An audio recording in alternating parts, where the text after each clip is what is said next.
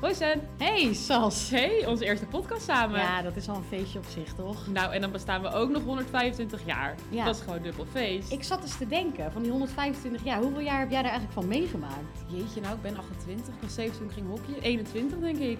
Ja, ik, ik, ik was echt jong. Ik was een jaar 5, 6, want hè, vroege leerling idee. Ik heb ook al gauw zo'n 25 jaar meegemaakt. Maar ja, op 125 is het toch eigenlijk nog niet zoveel, Dat is hè? eigenlijk helemaal niks. Nee. Wat herinner jij je als guppie?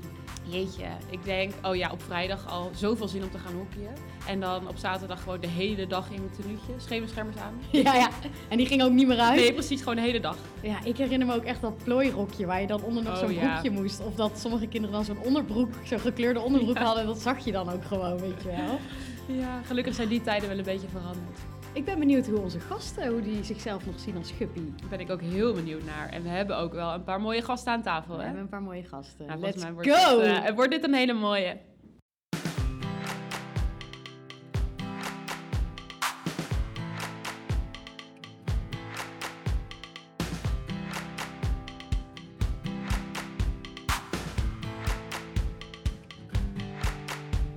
Hallo allemaal, welkom bij Potje Hockey, de podcast van de KNB. En vooral welkom bij deze speciale feestelijke editie. Want op het moment dat deze aflevering online komt, bestaat de KNB precies 125 jaar. Op 8 oktober 1898 is in het Krasnapolski in Amsterdam de NHBB, de Nederlandse Hockey- en Bandybond, tot leven gekomen. Die uiteindelijk in eh, 1938 leidde tot de huidige Koninklijke Nederlandse Hockeybond. In eh, 1898, 1898 begonnen we met zes verenigingen en inmiddels zijn er 325 verenigingen en zijn we een, eh, een levendige bond met een bloeiende sport vol prachtige historie. En eh, dat mag gevierd worden, vinden wij. Daarom gaan we komend jubileumjaar 10 afleveringen maken waarin we op verschillende thema's terugkijken op 125 jaar hockeysport en zeker ook vooruitkijken naar al het moois dat nog gaat komen. Ik ben Sascha van der Welbaken en samen met Senna Bombach nemen wij je mee in de historie van Nederland Hockeyland. En dat doen we vandaag met eh, drie heel speciale gasten, namelijk drie huidig en oud aanvoerders eh, van Oranje. En naast ons eh, zitten Stefan Veen, Maartje Pauwme en Thierry Brinkman. Welkom alle drie, superleuk dat jullie er zijn. Jullie hebben in ieder geval één ding gemeen en dat is dat jullie alle drie aanvoerder zijn of geweest zijn van Oranje. En het leek ons heel leuk om eh, dit speciale seizoen van Potje Hockey met jullie af te trappen. Dus zijn we heel benieuwd naar het verloop van jullie hockeycarrière, jullie gevoel bij het Nederlands team en jullie rol als aanvoerder voerder bijvoorbeeld. Ehm, en eh, dan gaan we vast ook wel heel wat verschillen horen tussen eh, vroeger en nu. Maar voordat we echt de diepte ingaan, ga ik je natuurlijk eerst even kort voorstellen. Ik denk dat jullie voor heel veel mensen een bekende naam in de hockeywereld zijn, maar toch even een korte introductie. Allereerst eh, Stefan Veen. Stefan is oud tophockeyer met in totaal 277 interlands op zijn naam. Hij maakte zijn debuut in eh, 1989 en speelde zijn laatste wedstrijd eh, in 2000. En jij bent je loopbaan eh, als aanvaller begonnen, maar volgens mij ben jij je carrière op het, eh, op het middenveld geëindigd, eh, als ik het goed zeg. Dan hebben we Maartje Pauwme, ook een bekende naam natuurlijk. Maartje is bij eh, een kleine club begonnen, daar zal ze zo wel wat meer over vertellen, denk ik. Maar uiteindelijk eh, bij Den Bosch terechtgekomen, waar de meeste mensen haar eh, van zullen kennen. En natuurlijk ook als aanvoerder van het Nederlands elftal. Daar heb jij heel veel wedstrijden gespeeld en ook heel veel goals gemaakt met je beroemde strafcorner push. En dan tenslotte Thierry Brinkman. Thierry is de huidige aanvoerder van Nederlands elftal en staat bekend als spits met een echt neusje voor de goal. Jij maakte in 2015 je debuut in Oranje in Zuid-Afrika en nu ben je 160 interlands en ook heel wat doelpunten verder. Dus eh super leuk om jullie hier alle drie eh, aan tafel te hebben. En dan heb ik volgens mij nog lang niet alles verteld, dus eh, zouden jullie jezelf nog wat uitgebreider willen voorstellen aan onze luisteraars? Stefan, zou jij willen beginnen? Zeker, ja. ehm, begonnen met eh, hockey op mijn, eh, ik denk op mijn zesde of de zevende. Het was een keus tussen, tussen voetbal en hockey. Eh, in Doetinchem ook de graafschap, waar mijn vader jarenlang gespeeld heeft. Dus het was, eh, ik kom helemaal niet uit een, uit een hockeyfamilie, meer uit een voetbalfamilie. Maar vanaf mijn zevende begonnen, ehm, op gras en op gravel, eh, tot mijn zestiende daar gespeeld. En wat, wat gaf de doorslag eh, om te gaan hockeyen of voetballen? Ja, ehm, veel, veel vriendjes op straat, eh, daar speelden we mee. Maar ik, ik merkte toen ook al van, ehm, het, het was toch wel een, een hoop geschop eh, waar, ik, eh, waar ik, ik moest veel te veel ontwijken. Bij het voetbal ook. Bij het voetbal, ja, ja, ja. nee, niet bij het hockey. Dus eh, ja, weet je, die, die kon me niet, die- zo bewust deed je het eigenlijk ook weer niet. Maar het was, ik, ik vond het wel, denk ik, gewoon een technische sport, snel. eh, en mijn vrienden deden het, dus eh, geen spijt van gehad. Heel. Gelukkig. Maartje, wil jij je nog wat uitgebreider voorstellen? Ja, ik ben eh, begonnen bij hockeyclub Geleen. Later gefuseerd met hockeyclub Sittard, hockeyclub Scoop geworden.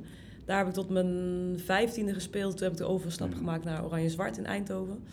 En uiteindelijk ben ik op mijn achttiende naar Den Bosch gegaan. En uh, ik, ik, kom wel uit een uh, hockeygezin. Mijn moeder hockeyde, uh, twee oudere broers en een oudere zus die allemaal hockeyden. Dus ik ging eigenlijk als, als kleintje altijd al mee naar de, naar de hockeyclub.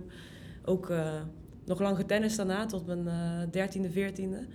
En uiteindelijk daarin de keuze moeten maken tussen de twee sporten, omdat het gewoon niet meer te combineren was. En de keuze op hockey gevallen. En met name, ja, met name omdat het een teamsport was en dat ik het veel leuker vond met ja, met mijn vriendinnetjes te hockeyen dan alleen op de tennisbaan te staan. Dus dat was voor mij een beetje de, de keuze waarom ik, waarom ik ben gaan hockeyen. Superleuk. Dan onze laatste gast, Sherry, wil jij je ook nog even wat uitgebreider voorstellen? Ja, ik ben begonnen bij Stichtse, ehm, relatief laat, toen ik een jaartje of 10, 11 was in de D-jeugd. Um, en daarvoor heb ik eigenlijk altijd gevoetbald. Um, en ik heb op die leeftijd ook moeten kiezen tussen het voetbal en het, en het hockey, omdat ik ja, in de jeugdopleiding van FC Utrecht mocht gaan voetballen. Ehm, uiteindelijk ja, toch de keuze voor, voor het hockey gemaakt. Uh, ja, omdat ik daar, daar toen uh, ja, toch wel met mijn ouders een tijd over heb, heb gesproken. En die, die vertellen me altijd dat ik toen al zei van...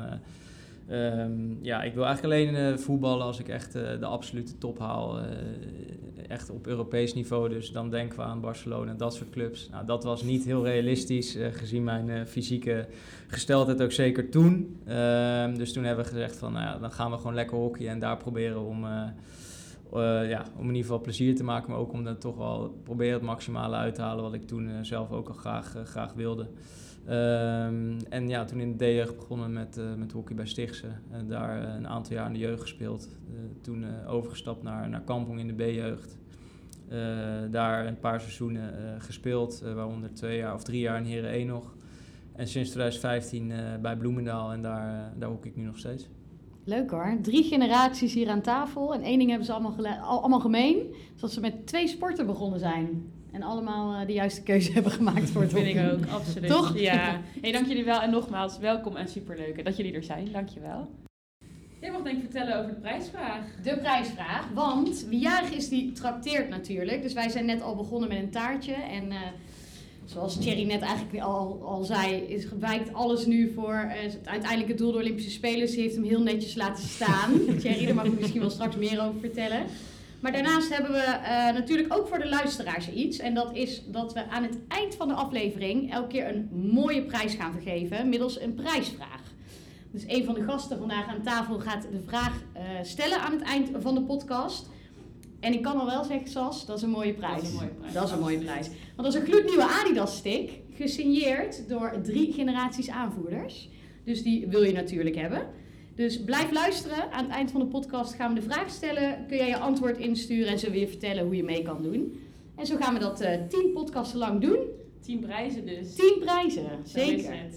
Dan als laatste, voordat we gaan beginnen, nog even kort iets over de opbouw van deze podcast. Die is namelijk gebaseerd op de opbouw van een hockeywedstrijd. Dus we gaan zo meteen in twee kwarten, dus in twee keer 17,5 minuten in gesprek. Ik ga proberen dat uh, goed bij te houden. En uh, tussendoor hebben we een korte rust en we sluiten af met shootouts. Dus uh, bereid je vast voor. En dan zou ik zeggen, we gaan gewoon snel beginnen.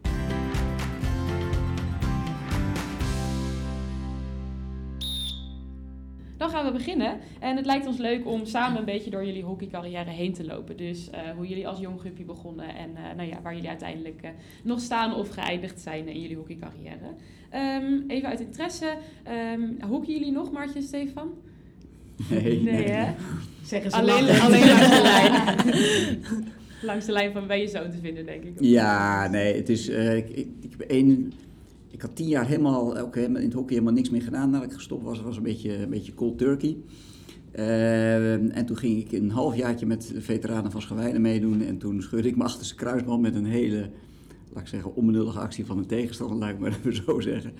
En uh, Suzanne, mijn vrouw, zei van, nou, die zag het al lang aankomen dat dat ergens niet goed ging. Dus dat, dat gebeurde. Sindsdien ja, speel ik eigenlijk ook gewoon niet meer... Uh, nou ja, niet, niet meer serieus, laat ik het zo Dus de reden dat je niet ging, ging voetballen was omdat er geschopt en gebomben. en uiteindelijk is je dit overkomen in het hockey. Ja, ja, ja dat is, zo zie je maar. Dus elke, elke sport is gevaarlijk. Maar dat, ja. uh, nee, nee, het is, ik, ik vind het leuk om te kijken uh, langs de lijn inderdaad bij, uh, bij Suzanne of, Bij Lucas. Ja, Ja. precies. En jij Maartje, ook niet meer hè? Nee, en, nee, eh, en eigenlijk met name omdat ik meteen het coachvak ingegaan ben. Dus eh, eh, de zondagen zijn gevuld met, eh, met wedstrijden langs de lijn. Ehm, ja, wel nog heel veel met hockey bezig. Hè? Dus eh assistentcoach bij Tilburg. Ik ben veel aan het doen nog met eh, strafcorners, leren aan kleine kinderen vooral. Nou, en daar word je ook wel eens uitgedaagd om toch nog een corner te nemen. Ja, ja, ja, dan vragen ze, kun je, kun je het nog steeds? Nou, dus ik heb zeg, gezien. Ik, kan, ik kan het nog wel, maar het gaat niet meer zo hard als dat het vroeger ging. Maar ik doe het heel af en toe nog wel. En ik zou het oprecht echt heel leuk vinden om nog af en toe te spelen. Maar ja, het is, het is gewoon, je haalt de tijd nergens meer vandaan. Maar ik hoop dadelijk als mijn kindjes wat groter zijn, dat, eh, dat ik dan weer eh, met ze mee kan naar het veld en een beetje meeballen. Dus het is nog steeds wel, ik doe nog heel veel met hockey, maar echt zelf spelen, nee. Nee. Nee. Dat is het allerleukste wat er is. Met je, daarop ingaat. Ik heb onze kinderen, eh, Lucas en Josephine, in, eigenlijk in de hele jeugd tot de zee. Je moet niet te lang doen. Maar dat, dat met zo'n teampje bezig zijn is echt wel super gaaf om daar, eh, om daar een beetje op het veld rond te lopen. En eh, proberen een beetje te helpen. Ja, lijkt me Ja. geweldig. Ja. Ja. Dat is een gevoel dat Thierry nog niet kent. Nee, ik. ben nog actief, dus... Hou dat nog maar maar zo. Heel goed. Ja, laten we ook even bij jullie begin beginnen. Ehm, jullie zijn alle drie natuurlijk jong begonnen met hockeyen. Of, of niet allemaal super jong. Thierry, jij natuurlijk wat later. Ehm, hoe oud waren jullie precies toen je begon? Weet jullie dat nog?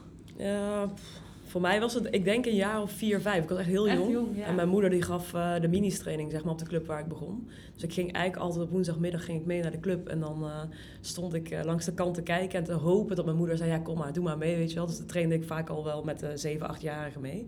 Dus ik, ja, ik ging eigenlijk al vanaf die leeftijd mee. En gewoon, toen mocht je volgens mij pas starten als je zeven of acht jaar was met, Ja, ja. met hockey. Maar ja, gelukkig gaf mijn moeder training, dus mocht, mocht ik iets, iets eerder mee indraaien. Ja. Jij, Stefan? Eh, ik, ik, weet niet, ik denk zo rond 7, 8. Want het was, eh, je mocht nog niet helemaal, zo, zo jong mocht het nog niet. Maar ik was al, omdat ik ook met mijn vader meeging naar, eh, naar de hockeyclub, wa- was ik er altijd al te vinden. Eh, dus ja, be- best jong al. Dus eigenlijk vanaf, eh, vanaf begin af aan Precies. ja, Was het ja, zo, ja, was het al meteen hockey. En wat was jouw leeftijd? Ja, ik, ik denk eh, rond 10 jaar, 11 jaar. Ehm, dus mijn vader was toen een coach van, eh van Stichts Heren 1 in die, in die periode. Dus ik voetbalde toen eigenlijk nog het meest. Maar ik ging al wel eigenlijk volgens mij ja, iedere zondag wel al, eh, al naar de hockeyclub. Dus ik, ik, ik heb al wel ook in die jaren voorafgaand aan dat ik, eh, dat ik uiteindelijk echt daadwerkelijk lid werd van Stichts. Heb ik ook al wel, daarvoor had ik al heel vaak eh, een stick in mijn handen. En we hadden ook een kunstgrasveldje in de tuin liggen. Dus daar, daar is niet alleen maar gevoetbald. Daar is eh, ook van alles uh, schokkiet, tennis, noem maar op. Ja. Dus het was niet dat ik helemaal, eh, dat ik nog nooit een stick in mijn hand had gehad. Maar je ziet dus ook maar, ook als je iets later nog op hockey gaat, kan je een hele grote worden, zeg maar. Dus dat is natuurlijk ook wel leuk om, eh, om Ja, te realiseren, zeker. Ja. denk ik. Als je een beetje talent voor hebt, dan, eh, dan moet dat in principe wel goed komen. Ja, precies. Ik, ik ben eigenlijk wel benieuwd, want als ik dan zelf ook aan mezelf denk als guppy. Als je nou één ding mag, mag beschrijven wat je nog herinnert van het jeugdhockey. Wat zou je dan, wat zou je dan zeggen, Stefan? Gras? Ja, gras, gras, gras, gras. en, gras en gravel. Echt dat, die, die geur, weet je, die, die, als je dan de zaterdagochtend, weet je, kun je natuurlijk niet wachten als die wedstrijd eh, begint. En dat je dan, hadden we nog van die, ja, het zag het was, qua kleur was het, hadden we zo'n zo'n soort wollig grijze broek, kan ik me nog herinneren. En zo'n blouse, die helemaal, natuurlijk helemaal Ja, geen ja, ja. zweet opnam met een rugnummer. Ik had altijd negen wilde ik hebben, dat mijn vader, weet je. Dan denk ik van, nou, dat vind ik mooi. Zo'n zo'n helemaal erop gestikt, wat je ook voelde op je rug, weet je, dat- die, die, die stiksels. En, dan, en ik wilde ook altijd Adi, nou, je mag, je mag wel zeggen, hè, Adidas schoenen. Met van die speciale noppen, dat waren dan de Valencia schoenen. Nou, als je die, die dan ook had, dat, dat was... Dan maak je de Dan was je echt, ja. dan was je echt de blitz eh, in Doetinchem. En eh, dus dat vind ik nog wel, dat, dat, dat ruiken van dat gras en dan die zo met zo'n dauw op het veld. Of als het Ja. geregend had, die, dat het zo onvoorspelbaar was wat er allemaal, allemaal ging. Dat, eh, ja, dat, dat is wel, mooi. dat vond ik nog echt wel, eh, dat is het mooiste denk ik wel aan, de, aan mijn jeugd. eh. Maar voor jou, Maartje? Ja, ik zit nu te denken als Stefan dit zegt, dan denk ik aan, aan mijn oude club, zeg maar. Dan denk ik, hadden we ook één kunstgrasveld en dan, daar waren gewoon, zeg maar, alle naden, zeg maar, op het veld, die, die, die kon je zien. En daar vloog de bal, zeg maar, overheen, omhoog. En ook op de, op de zondagen, zeg maar, dat ik bij mijn broer en mijn zus ging kijken, weet je, als, als klein guppy rende je op die club rond. En dan was het gewoon de hele dag alleen maar eten waar je zin in had. En dat, dat kon dan ook overal, Met je hè. beetje in nog, toch? Ja, ook met, met ja, op de hele fiets naar de club. En dat was op de zaterdag. En op de zondag ging ik dan bij mijn broer, broer en zus kijken. Ja, dan gewoon die herinneringen die je hebt aan, zeg maar... dat je bij een klein clubje iedereen kent op de club en achter de bar. En iedereen kende jou natuurlijk. Dus Ja. je, je, je kon alles gefixt krijgen op die club. En ja, als je daar aan terugdenkt, is wel echt dat familiegevoel, zeg maar, wat je op, eh, op zo'n clubje had, dat was, ja, dat was wel echt uh, de hockeyherinnering van eigenlijk mijn hele eerste periode bij, bij Hockeyclub Geleen. Dat was wel ja, dat, dat, herinner ik als, als zoiets leuks. En ja, dat is echt mooi. Jullie krijgen allebei een glimlach helemaal op je gezicht. Ja, het, ik denk dat het ook gewoon herkenbaar is van, van elkaar. Ja. En Thierry, vertel over jouw grote overhemd blues uh, ervaring. bij Stichts hadden ze toen al best wel van die moderne shirtjes. Maar ja, wat, ik, ik wat, als ik een beetje aan, aan jeugdhockey op Stichtse denk, dan, dan, dan denk ik een beetje aan, aan die rustbesprekingen in de goal. Dat je dan, uh, dat zo'n bakje met, met appelkaneel dan rondging. Ja. Uh, en dat de coach dan zei van dat iedereen moest pasen en zo. Dat, dat, dat is een beetje die... Doe je dat, speciaal tegen jou? Ja, ja, waarscheinlijk wel. Maar een beetje die, die, ja, die vibe krijg ik, als ik aan jeugdhockey denk, krijg, ja, dan, dan denk ik daaraan. Uh, en inderdaad, als je gespeeld had, dat je daarna ging afspreken met je vriendje. Of dat je eigenlijk de, ja, de hele dag met je liep te daar op, op die hockeyclub. Een soort van ja, tweede achtertuin eigenlijk. Ja, s ochtends om zeven uur nu aangetrokken ja, en s'avonds tot er gezegd werd, je moet nu echt douchen, ja, Thierry. Precies. Ja, dat, dat was het wel echt. En dan uh, ja, had, je gewoon, had je gewoon een geweldige dag. En dus het was eigenlijk, uh, iedere dag was, was iedere zaterdag was gewoon een feestje eigenlijk. Ja, mooi. Dus, ja. En wanneer merkte je van, nou volgens mij kan ik dit eigenlijk best wel goed. En misschien gaat het toch wel wat serieuzer worden dan ik misschien dacht. Toen was het stil. Ja, ik kan me wel één moment herinneren, want dat, dat besef kwam bij mij best laat. Ik had altijd een wedstrijdje met mijn uh, broertje, die zat dan in team lager, wie dan wel de meeste doelpunten maakte. Dat hield er natuurlijk allemaal bij. Uh, en uh, mijn vader gaf dan elke weer, een, een, als we dan de score van de dag kregen we een gevulde koek. Dus we zaten elkaar ook een beetje, een beetje bij te houden van wie. Maar ik, ik, toen ik het voor het eerst merkte dat ik uh, ik denk dat ik toen 14 was, toen zat ik, was ik net voor Nederlands B. Ik zat wel in de oostelijke selectie. Dus toen werd ik uit, volgens mij wel twee jaar te vroeg, althans uh, als nuldejaars in, in Nederlands B. En toen mocht ik ook meteen een keer meetrainen met, met Heren 1. En toen, nou, daar zag ik zo tegenop. En ik, nou, eigenlijk als Thierry, ik was ook niet de, de, grootste en, en, en, de sterkste. En zeker ook niet op die leeftijd. Ik was echt, als je de teamfoto ziet, zie je zo'n lijn en dan zie je zo'n zo'n zo, zo'n zo'n zo'n deuk in die foto. En, en dat ben ik. Uh, dus ik. Uh, uh, en dan mocht ik mee. En toen dacht ik, oh jeetje, nou dit zal wel, weet je, dit, dit, dit. Maar toen, dat ging eigenlijk best wel makkelijk. Wow. In de zin van, weet je, met passeren en snelheid. En ik dacht van, oké, okay, ik was echt helemaal verbaasd dat dat van, doen ze hun best nou niet? Dat klinkt misschien heel gek nu wat ik zeg, maar, dan, maar dat, dat je helemaal geen referentie hebt ja. wat, uh, in, in, uh, ja, waar je op de club speelde. Ja. En dit was ook gewoon hartstikke leuk op de zaterdagen. En ik, nou, dus ik, ik, was ook gewoon aan het genieten. Uh, en plezier aan het maken. En toen, maar toen had ik zoiets van, oh, wacht even, dit is toch wel... ik kan het eigenlijk wel. Ja, ja nou, je hebt ergens wel borrel natuurlijk wel. Hè? En, je, en je bent ambitieus en enthousiast en fanatiek, dat zit gewoon in je. Maar toen kwam langzaam wel het besef van, hé, hey, dit is wel... Ja, Leuk. Grappig om te zien. Ja. Thierry, hebben jullie zo'n moment, of ging het misschien heel geleidelijk bij jullie? Mm, ja, bij mij eigenlijk wel een beetje hetzelfde als bij, bij Stefan ook. Weet je, dat, dat je wel heel erg fanatiek was. En wat je, wat je ook aangeeft van, doet de rest hun best eigenlijk wel, weet je wel, dat, dat herken ik af en toe wel een beetje. Maar ik merkte wel dat ik veel fanatieker was dan de rest van het team. En dat ik uh, eigenlijk altijd naar het hockeyveld wilde, altijd wilde trainen, beter wilde worden. En toen eigenlijk ook, volgens mij was ik een jaar of dertien of zo, dat ik dan in het Limburgs team kwam. En dan denk je in één keer van, oh, dat is al heel wat, weet je wel. En dan ga je daarna uh, ja, ga je naar de Zuid-Nederlandse selecties. En eigenlijk vanaf toen ook Nederlands B. En als je dan voor het eerst dat echte oranje shirtje aan mag doen, inderdaad nog met zo'n groot rokje in die tijd was dat, uh, dan besef je in één keer wel van, hé, hey, ik, ik ben toch misschien wel beter, weet je wel, dan mijn leeftijdsgenoten. En ja, dat je dan een beetje het besef hebt van dat je, dat je het wel goed kan, zeg maar. Ja. Vond je dat belangrijk? Maakte het jou uit of je goed, of had je gewoon heel veel plezier in en dacht je, oh goh, ik kan dit best goed? Of dacht je op een gegeven moment wel van, ja, ik, ik wil ook wel echt goed zijn? Um, nou, ten eerste, ik had er echt mega veel plezier in, want dat, dat, ik vond het echt het allerleukste wat er was. Ja. En dat vragen mensen nu ook nog wel eens van, hè, heb je niet dingen gemist of feestjes? Of, ja, voor mij was hockey echt het allerleukste. Weet het je? Feestje. Dat was voor mij het feestje. Ja. als ik niet mocht hockeyen, dan was het voor mij geen feest. Dus dat, dat, uh, uh, het plezier stond echt voorop. En ik denk dat, dat dat echt goed willen zijn, dat dat eigenlijk pas op latere leeftijd kwam op het moment dat, dat je het Nederlands zelf al bereikt. En er bepaald iets komt van ja, nu moet je goed zijn en dat ook willen laten zien, zeg maar. Dus dat, ja. dat was in die, in die beginjaren gelukkig ook, uh, godzijdank oh, nog niet. Ja. ja. En er komt er ook wel wat anders bij kijken. Dat ja. is wel grappig dan. Ja. Daar gaan we het straks denk ik ja, uitgebreid over hebben. Nog even jij, Thierry.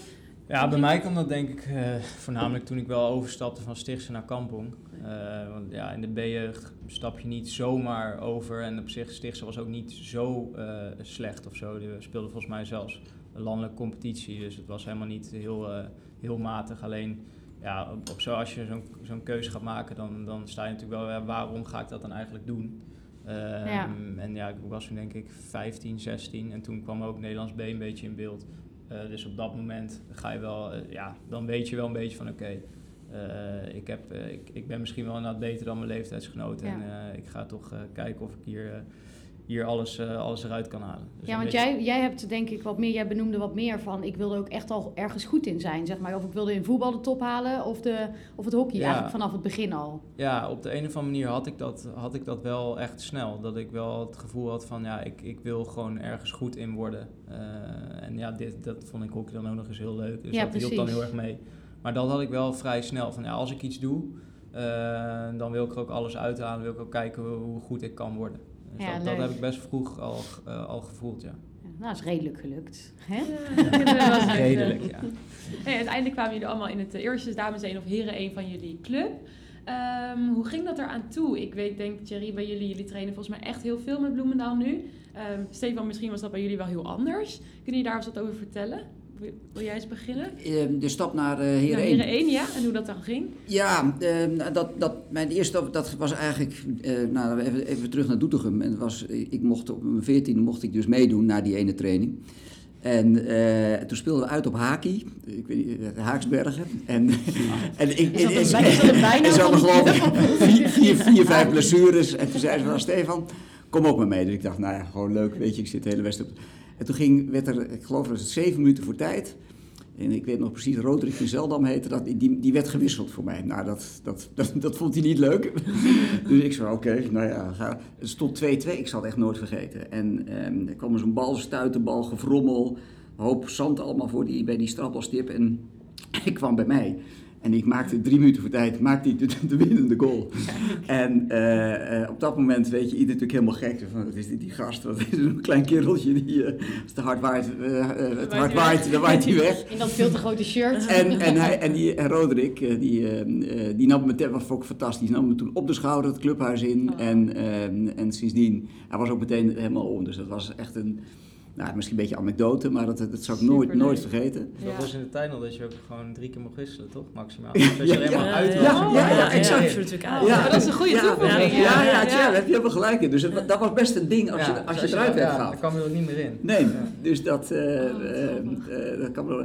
Ja, en eh, mijn, natuurlijk bij, bij Upward twee jaar gespeeld en toen bij, bij HGC, dat was, ik kan me ook nog wel herinneren dat paar mensen, toen was ik net bij HGC, toen zeiden ze ook van, nou je gaat studeren, eh, nou, ook bij, bij de studentenvereniging eh, nog lid geworden.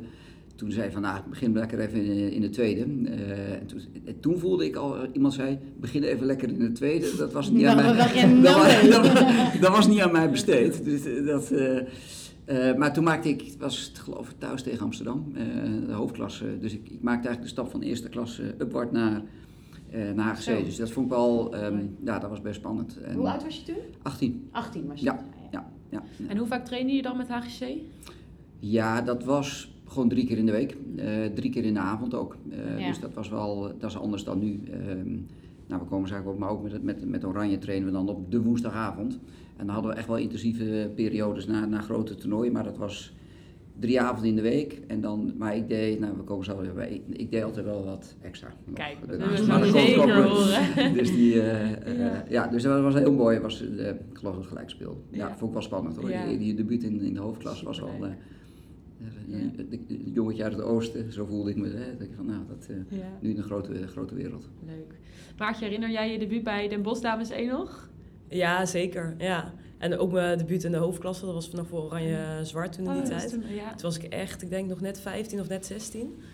En eh daar was Gijs van Heumen was coach toen in die tijd, die ken jij vast, Stefan. En ja, dat, dat, vond ik ook echt mega spannend. En, maar ook echt een, een soort van, ik heb het gewoon gehaald. Weet je wel, voor jou het jongetje uit het oosten, voor mij was het meisje uit, uit Limburg, uit het zuiden. En dan hoofdklasse halen was natuurlijk echt wel was gewoon een groot ding. Super spannend. Maar ook mega leuk. Ik stond toen nog in de spits. Uiteindelijk ben ik naar het middenveld gezakt, naar achterin. En uh, uiteindelijk nog een keer terug naar het middenveld. Maar wel voorin begonnen. En uh, toen na drie jaar naar Den Bosch. En dat was eigenlijk in die tijd, uh, en nu nog steeds natuurlijk, de top van, uh, van Nederland. Ja, er zaten echt grote, grote namen op dat moment waar ik mijn leven lang tegenop keek en dacht van wauw, weet je wel, als ik echt verder wil komen en met hun kan spelen, ja, dat is natuurlijk een droom die dan uitkomt. En ik vond het ook super spannend. Zij kwamen toen terug van de, van de Spelen van Athene van 2004 en dan verloren ze finale. Uh, dus uh, die kwamen iets minder blij terug dan, dan dat ze daar natuurlijk als goud gewonnen hadden. Ik vond het super spannend. Die eerste, die eerste ja, training ja, dat, ik daar naartoe, dat, dat ik daar naartoe ging. Ja. Maar uiteindelijk was dat ook gewoon een droom hè, om met, met dat soort spelers te, te kunnen trainen en te, te mogen spelen. Nou, daar heb je gewoon uh, superveel van geleerd. En niet alleen op dat veld, maar ook gewoon als, als, als mens, hoe je je verder ontwikkeld hebt. Maar ja, dat, ook dat zeg maar. Dus voor mij was het debuut bij Oranje Zwart was heel uh, spannend en mooi. En als je dan ook terugkijkt, dat je, ik was 16 op dat moment. En ja, je, dat team was best wel oud. Dus de meesten zaten eigenlijk tussen een leeftijd van 26 en misschien 2, 33. Ja, dan sta je daar oh, als 16-jarige. denk je ook, ja, totaal ander leven. Weet je, je begint eigenlijk ja, net een beetje met... Uh, ik zat op 5 HAVO nog volgens mij. Ja, dus ik vond alles eigenlijk spannend. Een andere stad, een andere club, hoofdklasse. Dus nee, maar wel hele mooie herinneringen aan aan die tijd. Ook van uh, Oranje Zwart, maar ook zeker uh, bij Den Bosch. En herken jij dat, dat warme ontvangst eigenlijk, zoals Stefan zeg maar ook beschrijft? Uh, ja, zeker wel. Um, bij Oranje Zwart ook zeker wel. Want daar ben ik in de A ben ik daar gestart, maar vrij snel eigenlijk de, in hetzelfde seizoen de overstap naar Dames 1 gemaakt. En toen ook naar Den Bosch ook. Alleen wel anders, omdat je daar wel heel erg opkeek tegen bepaalde spelers die daar zaten. En dat ik denk ik met name zelf super spannend vond. Maar het ontvangst was, was, was hartstikke goed. Maar je moet je voor je eigen gevoel heel erg bewijzen, zeg maar, als je daar binnenkomt. En uh, wil je gewoon laten zien wat je kan. Wat, uh, wat ook wel spannend is. Ja, ja. super logisch. Ja. Ik ben zo heel benieuwd naar jouw eh, verhaal, Thierry. Maar we gaan even naar een korte rust, want uh, nou ja, de scheids houdt ons goed in de gaten.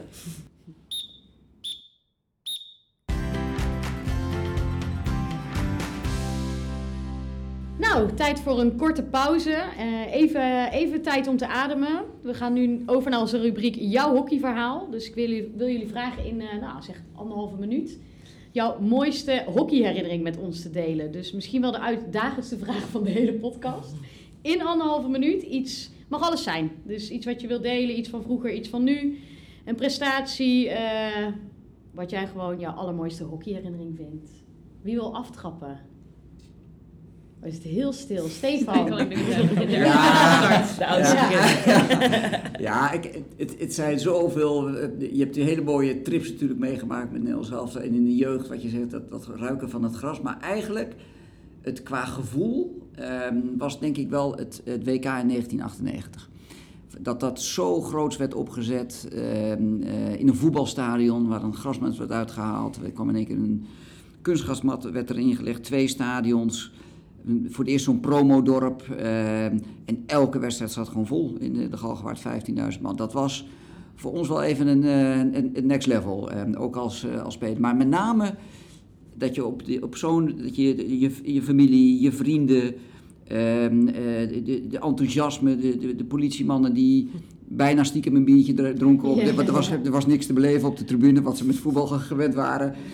bijna een biertje gingen drinken op de tribune zo, zo ongelooflijk uh, leuk en, en gezellig qua sfeer was het. En ik kan me nog herinneren dat we na een van de wedstrijden reden we terug naar, uh, naar Zeist, want daar zaten we in, in een hotel. En dat we langs de feesttent reden, waar elke avond, was het met een diertje, was voor het eerst ook. En dat was stampvol, echt duizend, een paar duizend man. En dat was één grote damp. En wij reden daar met de bus naar, langs wat gebeurt hier allemaal? Dus het de beleving van uh, van zo'n toernooi. Um, uh, en natuurlijk, hè, uiteindelijk winnen we hem. Um, en dat maakt natuurlijk allemaal nog, nog, allemaal veel, nog, nog veel mooier. Maar de beleving um, uh, om het hockey, je voelde dat, dat het in, in, in Nederland leefde. En dat, dat is met hockey natuurlijk nog niet zo vaak gebeurd. Dus het was een. En, en nu ook nog steeds, als je mensen spreekt. Oh ja, daar ben ik wel ergens bij Het is wel ergens wel een. Best wel een moment geweest, hebben we, ja. hebben gemerkt. merk ik nog steeds. Dat ze oh ja, dat was wel heel, heel mooi toen. Gaaf. Kan je geloof ik nog een uur over doorpraten. Zeker. Maartje, heb je er een? Ja, ik heb er meerdere. En eh, ik zit dan ook gewoon terug te denken aan alle trips en dat soort dingen wat je allemaal meegemaakt hebt. Dat prachtig. Maar voor mij is ook echt het, het WK in 2014 in het uh, ADO Den Haag stadion. Een beetje natuurlijk uh, vergelijkbaar met Stefan, alleen 16 jaar later. Uh, dat hockey zo leefde en iedere keer een voetbalstadion vol zeg maar, met oranje fans voor het hockey. Ja, dat was, dat was echt zo ontzettend gaaf om dat mee te maken. En zo groots ook in eigen land. Dus inderdaad alle familie, alle vrienden die konden komen kijken. En uiteindelijk word je natuurlijk wereldkampioen in eigen land. Dat was heel mooi. En ik herinner me wel in de, in de voorbereiding vond ik dat we iets heel speciaals hadden gedaan. En dat was dat de staf op dat moment eigenlijk uh, voor ons een verrassing had georganiseerd. En ik weet nog dat we toen de bus in moesten stappen en iedereen moest een blinddoek omdoen. Dus we hadden eigenlijk geen idee waar we op dat moment naartoe gingen. We hadden met Nels team gegeten, naar die blinddoek om bus in. En iedereen zat zeg maar, met een blinddoek om. En natuurlijk iedereen een beetje gein in de bus, wat gaan we doen? Ik weet nog dat we uit moesten stappen en elkaar vast moesten houden, zeg maar hand in hand. En dat we uiteindelijk een stuk moesten lopen, trappen op en uh, uiteindelijk mochten we stil gaan staan mochten we blinddoek afdoen. En toen ging het lamp in het stadion aan van het Aden Den Haag stadion. Dus oh, stonden we daar met z'n allen zeg maar een week denk ik of zo voordat het WK ging beginnen. Ja, dat was een super bijzonder moment. En dat, uh, dat uh, Max Kals was toen bondscoach. Dat hij ook zei van ga maar ergens op een plek in het stadion zitten. Waar je misschien straks denkt dat, uh, dat je ouders zitten. En dan ga je daar maar eens eventjes twee minuten zitten in stilte. En maar eens even, gewoon even bedenken wat we over een week gaan doen hier met elkaar. Nou, toen kwamen we uiteindelijk weer terug. Dus dat was echt een super bijzonder moment. En uiteindelijk hadden ze dus allemaal uh, tentjes geregeld. En die mochten op het, uh, op het uh, veld van ADO mochten die neerzetten op, op, de plek waar je dacht dat je veel ging spelen tijdens het WK. Wow. Ze hebben daar een nacht met elkaar geslapen in het stadion. Dus dat in was, het stadion? Ja, dat was mega bijzonder. Dus ik zat laatst foto's terug te zoeken. En ja, kwam ik nog een paar foto's tegen van, van die tentjes. Ja, gewoon, hij vond van, dit wordt straks ons huis. Daar moet je ook geslapen hebben. Dus ja, oh, wow. toen hebben we daar met, een, met elkaar een nacht doorgebraft. Dus zeg maar al met al, weet je, al die herinneringen aan dat aan dat WK, dat maakt dat wel een heel bijzonder hockeymoment, zeg maar, voor mij. Super cool. Ja. Ja. Thierry, je hebt even mogen nadenken. Ik heb even mogen nadenken en ik heb er, ik heb er zeker een uh, kunnen bedenken.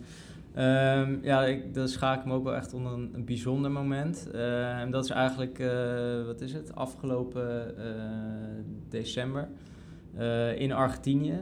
Um, en dat was eigenlijk tussen aanhalingstekens een niet-zeggende uh, trip, want het was een trip uh, naar Buenos Aires en Santiago del Estero.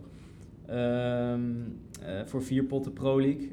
maar het bijzondere wat daar gebeurde is dat natuurlijk het Argentijnse voetbalelftal wereldkampioen werd. Op het moment dat wij in Argentinië in Buenos Aires waren, wij hebben daar sowieso de kwartfinale tegen Nederland gekeken. Uh, maar uiteindelijk bleven we daar nog een langere periode uh, en hebben we daar dat WK voetbal uh, ook met een schuin oog een beetje gevolgd tussen alle hockeypotten. En ja, in onze WK-voorbereiding, want een maand later hadden we het WK in India.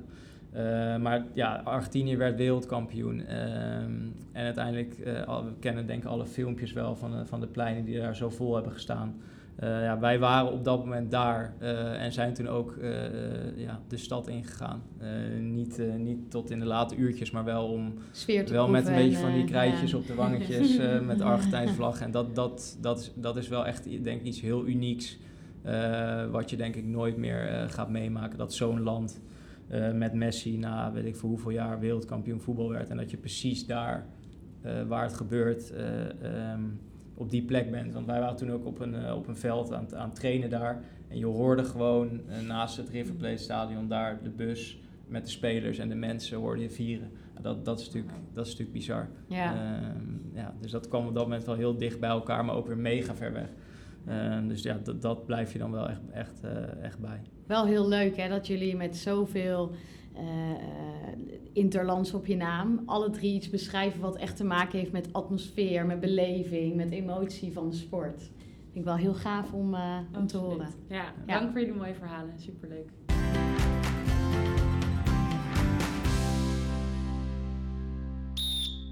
Dan uh, gaan we door naar het tweede kwart. Uh, Thierry, we waren bij jou gebleven. Herinner jij je nog je eerste, eerste keer aan Heren 1, je debuut? Ja, zeker. Dat, uh, dat was voor mij bij Kampong. Um, Alexander Cox was, uh, was coach. Um, eigenlijk die debuutfase, die, um, dat, ja, in principe rolde je eigenlijk een beetje zo in dat je op dinsdag vaak al, al aan meetrainen was als, uh, als A-junior. Dus dan was het al een beetje van, ja, oké, welke jongens van, van de A1 mogen dan één keer per week meetrainen met Heren en dan was het vaak zaterdag met, met A1 spelen en dan zondag op de bank en dan hopen dat je, dat je twee minuten erin mocht. en zo is het bij mij eigenlijk ook gegaan. maar al vrij snel mocht ik eigenlijk vast het hele seizoen daarna met, met Heren gaan meedoen. Um, en ja, ik, ik, ja ik was gewoon een vijfde spits bij, bij Kampong. Volgens mij hadden we toen Constijn Jonker, Weustof en Kirijn Kaspers volgens mij in de voorhoede staan. En dan mocht ik ze af en toe wat, wat adempauze, wat lucht ja, geven. Dat zei ik wel wat na. en wat, wat rondjes door het veld rennen. En ja, dat, dat herinner ik me wel goed. het was gewoon af en toe een paar minuten gas geven. En eigenlijk voornamelijk op de training zoveel mogelijk leren. Proberen aan te haken. En ja, ik heb dat ook echt wel ervaren als, als heel spannend. Zeker ook inderdaad als je dan voor het eerst daar aan die zijlijn staat en je wordt door, uh, door Aal toen de tijd uh, aangetikt van ja, je mag erin. Ja, dat, dat is wel echt een moment van oké, okay, nu ga ik dus debuteren in de hoofdklasse. en als je zelf ook dan, dan ziet lopen hoe je er toen, hoe je er toen bij stond. Zo'n heel klein mannetje tussen echt wel allemaal hele grote spelers die allemaal bakken met internationale ervaring hadden, dan zou je nu bijna zeggen van ja, die, die gozer was eigenlijk helemaal nog niet klaar voor als, als ik dat nu zo terugzie. Maar in, in principe ja, wel, heb ik dat wel echt als spannend ervaren, maar ook wel weer als heel leuk. En um, eigenlijk ook na een aantal weken, als je er een beetje in zit, dan, uh, ja, dan, dan ben je Kan jij je voorstellen dat nu de jonge jongens zo naar jou kijken? Ehm, nee, totaal niet eigenlijk. Maar ja, het zal ongetwijfeld misschien, misschien wel zo zijn. En we hebben toevallig afgelopen weken een, een, debuut gehad van iemand die 15 jaar is. Uh, ja, heel dat, dat, scheelt gewoon 13 jaar. Dus dat, ja, dat, dat is best wel bijzonder. En uh, ja, als, je even, als je er even aan terugdenkt, dan, dan, dan moet dat voor hem ook uh, echt wel uniek zijn. Dus dat, ja, dat is, als je er echt over gaat nadenken, is dat wel echt mooi om, mooi om op terug te kijken. Ja, ja heel gaaf. Op een gegeven moment kwam voor jullie natuurlijk allemaal ook Oranje erbij. Dus jullie hadden clubhockey, druk denk ik, en Oranje wat natuurlijk nog meer vroeg. Ik ben eigenlijk heel benieuwd hoe de weekprogramma's voor jullie dan nu dan verschilden eigenlijk. Thierry, misschien wil jij beginnen met vertellen hoe voor jou nu een, een normale week eruit ziet? Ja, ehm, ik denk dat ik dan best gewoon even echt een, een flink lomp week kan, uh, kan, kan vertellen hoe dat eruit ziet. In principe uh, maandag starten we dan uh, met een krachttraining. Uh, in de ochtend, dus uh, dat doen we vaak in twee groepen, omdat we nu wel trainen met, met een flinke groep, vaak met 25 man. Dus dan hebben we bijvoorbeeld van, uh, van 10 tot 11 een groep die gymt en van 11 tot 12 een groep die, die gymt. Ehm, daarna gaan we lunchen en, en trainen we in de middag op maandag vaak in Amsterdam. Ehm, dat is dan vaak wel een techniektraining noemen wij het dan. Alleen met, uh, met Jeroen en Erik uh, zijn dat, uh, zijn dat flink, best wel pittige trainingen. trainingen. Want ja, een, een paasdrill noemen wij het een Koreaanse drill, zeg maar, is continu voorover gebogen en continu sterk uitdraaien. Als je dat 10 minuten achter elkaar doet, dan ben je echt, dan, dat is best pittig. en zeker als je ook zondag... Dat is zo leuk dan, hè? De technische training, ja. Ja, een technische training. Ja, dat Is, het, het is heel leuk, maar het is ook, ja, als het goed ingestoken wordt, is het prima zwaar. Uh, en je hebt dan ook zondag je wedstrijd al gespeeld. Dus uh, dat, is een, dat is een pittige maandag. Uh, of we slapen dan uh, in een hotel of we gaan naar huis. Het hangt er een beetje vanaf of we nog een meeting hebben in de avond. dus dat is flexibel. En dan op dinsdag trainen we dubbel. Twee keer pittig. Dus nou, dan, dan en dat is ook overdag, toch? Ja, dat is overdag. Van, laten we zeggen, grofweg van 10 tot 12 en van, van 2 tot, tot 4, zoiets. dus dan zit je dag er ook wel in principe op. Als je dan op de bank ploft, dan ben je redelijk klaar. En in echt uh, drukke fases uh, hebben we ook een periode dat we dan woensdag nog uh, trainen. Dus dan gaan we woensdagochtend gymmen. Ehm, relatief korte sessie, maar wel voor je lichaam best wel nog even wat doen. en daarna gaan we eigenlijk specifiek trainen. Dus voor de WK hebben we dan bijvoorbeeld corner varianten, shootouts, directe corner, lijnstop, dat soort dat soort dingen. Dus, maar ja, toch sta je dan wel weer een uur op het veld. Uh, ja, dan ben je uiteindelijk woensdagmiddag uh, thuis. Dus nou, dat zijn dan je eerste drie dagen. En dan ben je redelijk afgepeigerd. Uh, dat, is, dat, is, dat is heel mooi, maar ook wel zwaar. En dan ga je de donderdag en vrijdag bij de club trainen. Dus het hangt er een beetje vanaf hoe je er mentaal en fysiek in zit. Maar in principe zou het, er zijn fases dat je donderdag gewoon ook twee keer traint met de club. Um, en dan vrijdagavond of vrijdagmiddag nog één keer. Uh, zaterdag is je rustdag. En zondag ga je een pot spelen. En dan heb je ook nog af en toe een dubbel weekend. Ja, dan, dan varieert het wel. Dan, dan halen ze vaak wel de woensdag eruit en een training minder bij de club. Dus uh, het is wel een beetje maatwerk. Maar in principe zijn er... Uh, dit is dan een beetje de, de meest zware week die, die er bestaat, om het zo maar te zeggen. Dus ja, dat... eh, dat Klinkt is, inderdaad eh, als een heel vol, maar wel heel mooi hockeyprogramma. Zeker, ja. Het, is, het, het- maar ja, het bepaalt gewoon je hele week, maar dat is ook eh, wat we willen. En je ziet ook wel het resultaat ervan als je het goed monitort en goed invult.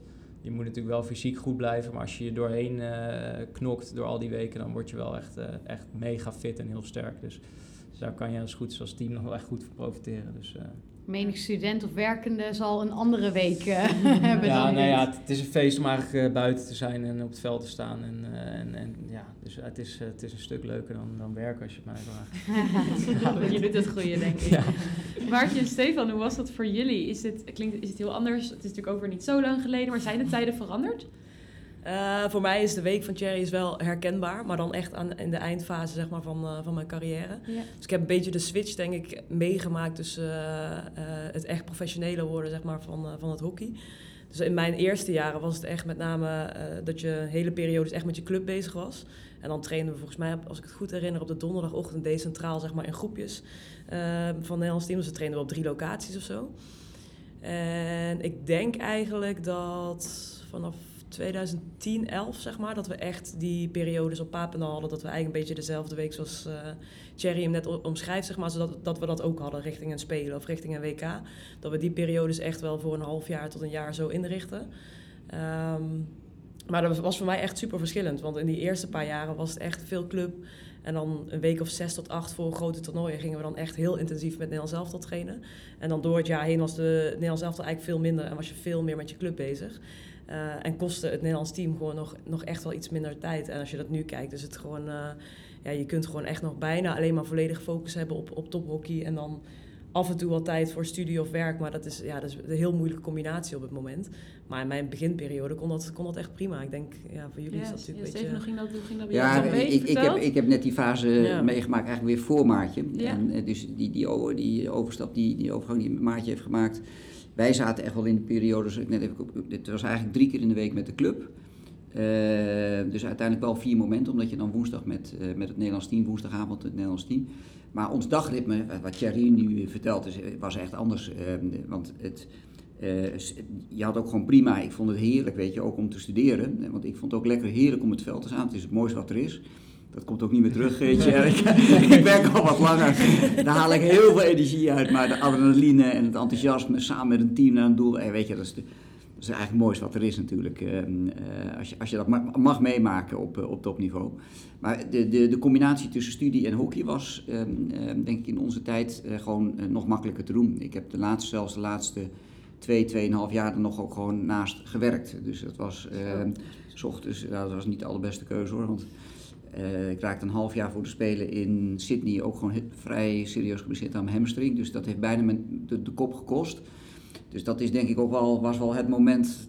En dat is ook wel het signaal eigenlijk dat het ook gewoon niet te combineren was. Te weinig rust, te weinig Te weinig slaap rust had en, te veel van je lichaam vroeg. Ja. Dus, eh, en mijn werkgever toen, die heeft toen eh, echt, eh nou Rabo was fantastisch, die nog steeds, eh, maar die gaf mij toen ook een paar maanden van tevoren vrij eh, om mij helemaal te herstellen en dat te doen. En anders was het ook niet te doen. Dus ik, zat echt wel op het kantelpunt. Daarna is die intensiteit ehm, eh, sterk toegenomen. Maar wat ik al zei, ik had voor mezelf nog extra eh, eh, loopprogramma's. Ik was altijd voor en na de training. Ik kon niet zo heel hard schieten, dus ik moest wel iets verzinnen eh, om die kracht erin te krijgen. Dus ik had nog helemaal techniekjes en eh, mijn eigen eh, oefeningen bedacht om, om wel die, dus die, ik, we komen misschien zeg maar die WK-goal in 98 was de aansluitingstreffer. Nou ja, dat, die, die heb ik echt duizend keer geoefend voor mezelf, min of meer. Ehm, dus die oefening baart echt wel kunst. eh. maar het is, het, het- ons ritme was, was, was echt wel anders. Ja. En, en zit dan de, de prioriteit, zat die wel volledig bij het hockey? Want als je nu Thierry natuurlijk hoort, dat, dat is hockey, hockey, hockey, hockey. Ja. En daarnaast studiewerk, daar denk ik Ja. ook nog over na. Maar hè, hij heeft echt duidelijk Ja, ja het kan niet anders. Was ja. dat bij, bij jou ook al zo? Ja, wel in mijn hoofd. Eh, om- omdat, ik, omdat je ook individueel nog dingen daarnaast ging doen. Je trainde wel vier avonden in de week, dus je was er mentaal gewoon vol. En wat Maartje net ook al zei, voor een groot toernooi, ja, dan gingen we wel zes tot acht weken intern. Alleen dat gebeurt nu bijna het hele jaar. En dat is, dat is denk ik wel het grote verschil. Dus wij konden het wel wat beter plannen. Ja. En ehm, ja, en het, het, het verschil, het is, het, op dat vlak is het professioneler geworden en natuurlijk ook, ook fitter. Ik denk wel Ehm, ik denk dat je door het hele jaar zijn de mannen nu, denk ik, en de dames wat fitter. Wij hadden onze piekmomenten en dan wa- waren wij ook wel echt wel Top. vreselijk fit. Ja, ja. Eh, alleen je, je had een wat minder, je, je had ook van die, van die piekmomenten. Als wij terugkwamen van Nederlands elftal bij de club was het verschil weer heel groot. En dat, Ja, is, dat is nu gewoon niet meer zo. Nee. Nog wel een dingetje waar ik wel benieuwd naar ben. Jullie staan sowieso twee keer per week met elkaar in de sportschool. Ehm, was dat bij jullie ook al een ding? Gymden jullie met elkaar? Ja, daar wordt wat lacherig thuis over gedaan. Dat ik zeg, wij, wij deden altijd snel, snelkracht. Deden we.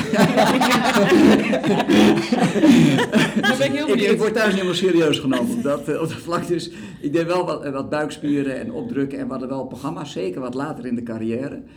Ehm, maar het is ook een beetje de filosofie. Ik geloof ook weer, als je weer heel veel eraan gaat doen, denk ik ook van, nou, misschien verlies je uiteindelijk weer wat, wat te veel snelheid. Maar het is, het is wat je doet. Het, het zijn echt wel atleten. Als je ook naar andere sporten kijkt, als je...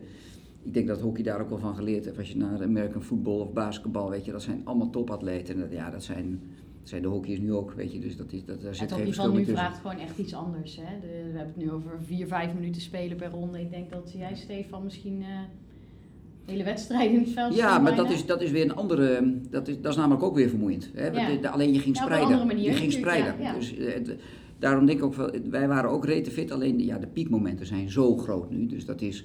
Als je ze dan van, van naar de bank ziet rennen, denk je van. pff, In die 7, 8 minuten. Ja, dat tempo ligt wat dat betreft. eh, ja, super hoog ook. Ja. Ja. Ja.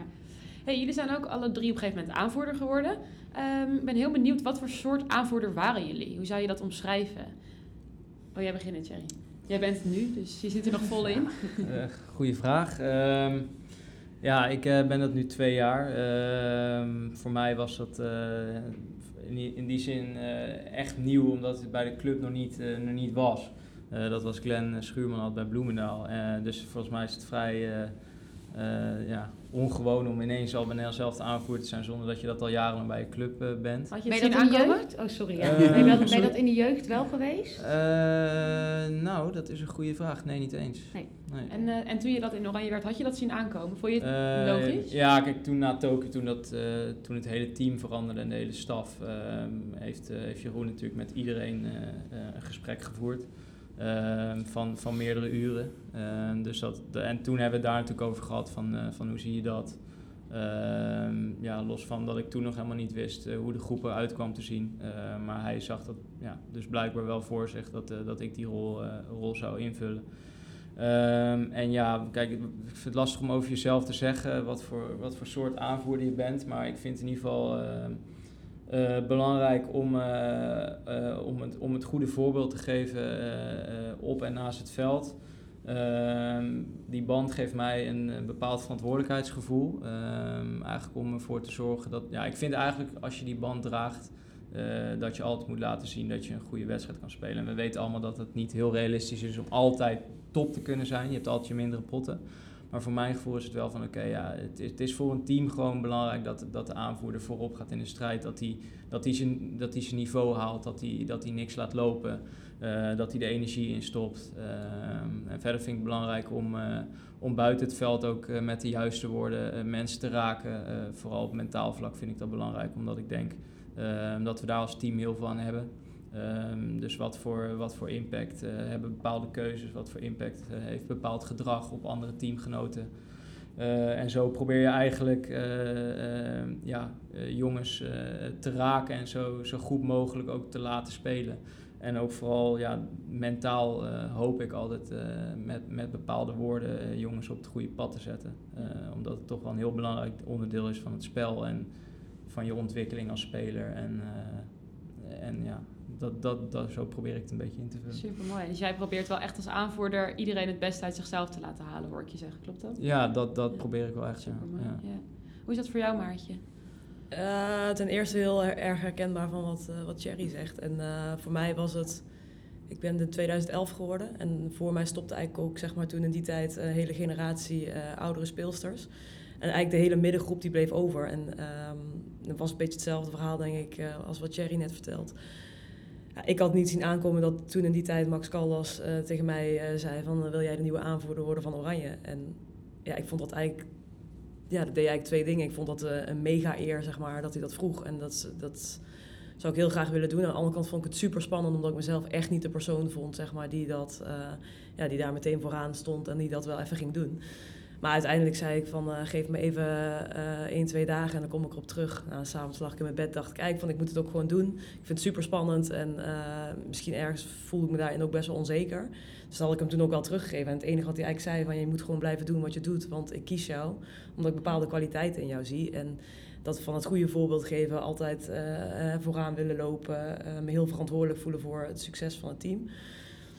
Eh, daarom eigenlijk misschien jezelf ook nog wel meer uitdagen hè, om er alles uit te halen wat erin zit. Ja, en mensen gewoon ook te inspireren, weet je, van, eh, van eh, ze, ze meenemen in de gedachten die we hebben als groep om het beste uit jezelf en uit elkaar te halen. Ik denk dat dat wel dingen waren die, die ik super belangrijk vond in die tijd. Is dat niet ook al wat je überhaupt al uitstraalde als speler? Is het Ja, ik denk- ik- dat ik je denk, ja. werd? Ja, ik denk dat dat ook wel Ja. hè, de reden was waarom hij mij in die tijd vroeg. Misschien zag je dat zelf niet altijd zo, maar op het moment dat, dat hè, de bondscoach dat aangeeft, en dat hij ook zegt van je hoeft eigenlijk niks te veranderen eh, om mijn aanvoerder te zijn van dat Ja. moment. Ja, alleen doet het met jezelf wel heel veel, zeg maar. Van je, wil, eh, eh, je wil jezelf denk ik ook wel bewijzen en laten zien dat je altijd het goede doet. Soms ook echt mega irritant voor jezelf. En eh, het vraagt heel veel extra. En ehm, uiteindelijk heeft me dat wel echt heel erg doen ontwikkelen. Ik denk wel van, hè, op dat moment, ik was 25.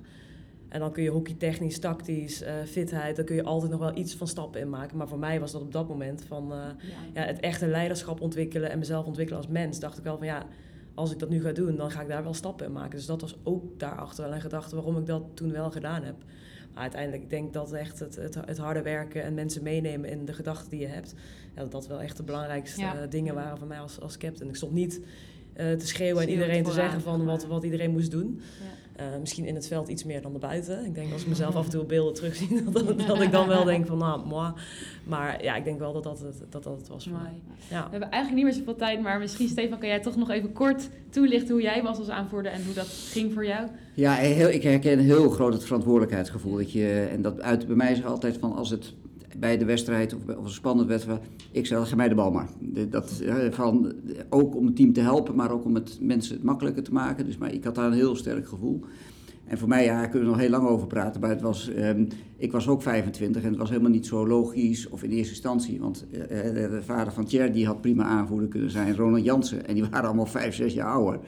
Dus dat was voor mij, vond ik het ook wel spannend ehm, in het begin. Maar wat Eh. maakte dan, als je dat over jezelf kan zeggen, wat dat ze toch jou kozen? Vind, vind ik moeilijk. Ehm, wat wel, denk ik, is van ja, dat verantwoordelijkheidsgevoel. Ik heb ook altijd wel. Ik ben ook iemand die het, het, het even tot zich neemt, ehm, eh, het kan analyseren, ehm, het overzicht houdt. Het hoofdgevoel. Eh, ja, en, en het hoofd koel houdt van wat er allemaal. Want een aanvoerder is ook maar een onderdeel van het team. Hè? Want het wordt dan vaak. Maar juist de combinatie met eh, het karakter van Jacques, wat gewoon een winnaar was. Ronald Jansen was een winnaar. Maar die uiterden het allemaal op een andere manier. Dus die hadden allemaal een vorm van leiderschap, wat in het team perfect was. Ehm, en juist met ons, en ik ben wel anders van Jacques Ronald, dus wij waren met z'n drieën. ehm, denk ik, ehm, met z'n drieën ben je eigenlijk wel een soort nou, leiderschapsteam. En, en nou, dat ze daar mij voor kozen, ik denk dat het meer ja, die elementen erin zaten, dat ik het, ja, dat voelde, eh, elke de bal wilde hebben, maar ook wel zeggen van hoe, eh, probeerde ook weer wat overzicht te houden. Ja, super mooi om te horen. Hey, en we, als hebben- je, we moeten eigenlijk afronden, oh, hebben- ja, we zitten echt Ik wel wil nog ver over de door. tijd. Ja, ik heb ook nog heel veel vragen op mijn blaadje, maar eh, we, hebben- we hebben een afspraak. Eh, Koen fluit af, denk ik. Dus Oh. eh, we gaan hem afronden. Dank jullie wel.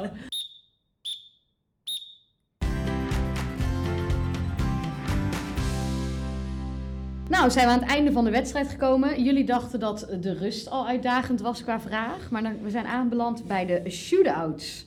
En normaal gesproken stellen wij eh, onze gasten de vraag om in acht seconden de kernboodschap van hun verhaal met ons te delen. Maar aan jullie willen we vragen, hoe ziet de hockeysport er volgens jullie over 50 jaar uit? Of wat hoop je? En dat in acht seconden. Het is natuurlijk een uitdaging en anders hadden we dat jullie ook niet gevraagd. Dus wij zijn heel erg benieuwd. Stefan, jij hebt denk ik geen shootouts meegemaakt in de tijd dat jij in Oranje speelde. Maar goed, dus de uitdaging is voor jou misschien het grootst. Daarom mag je ook beginnen. Daarom mag je ook Dankjewel, beginnen. oh, ik stel het zeer op prijs. Helemaal goed.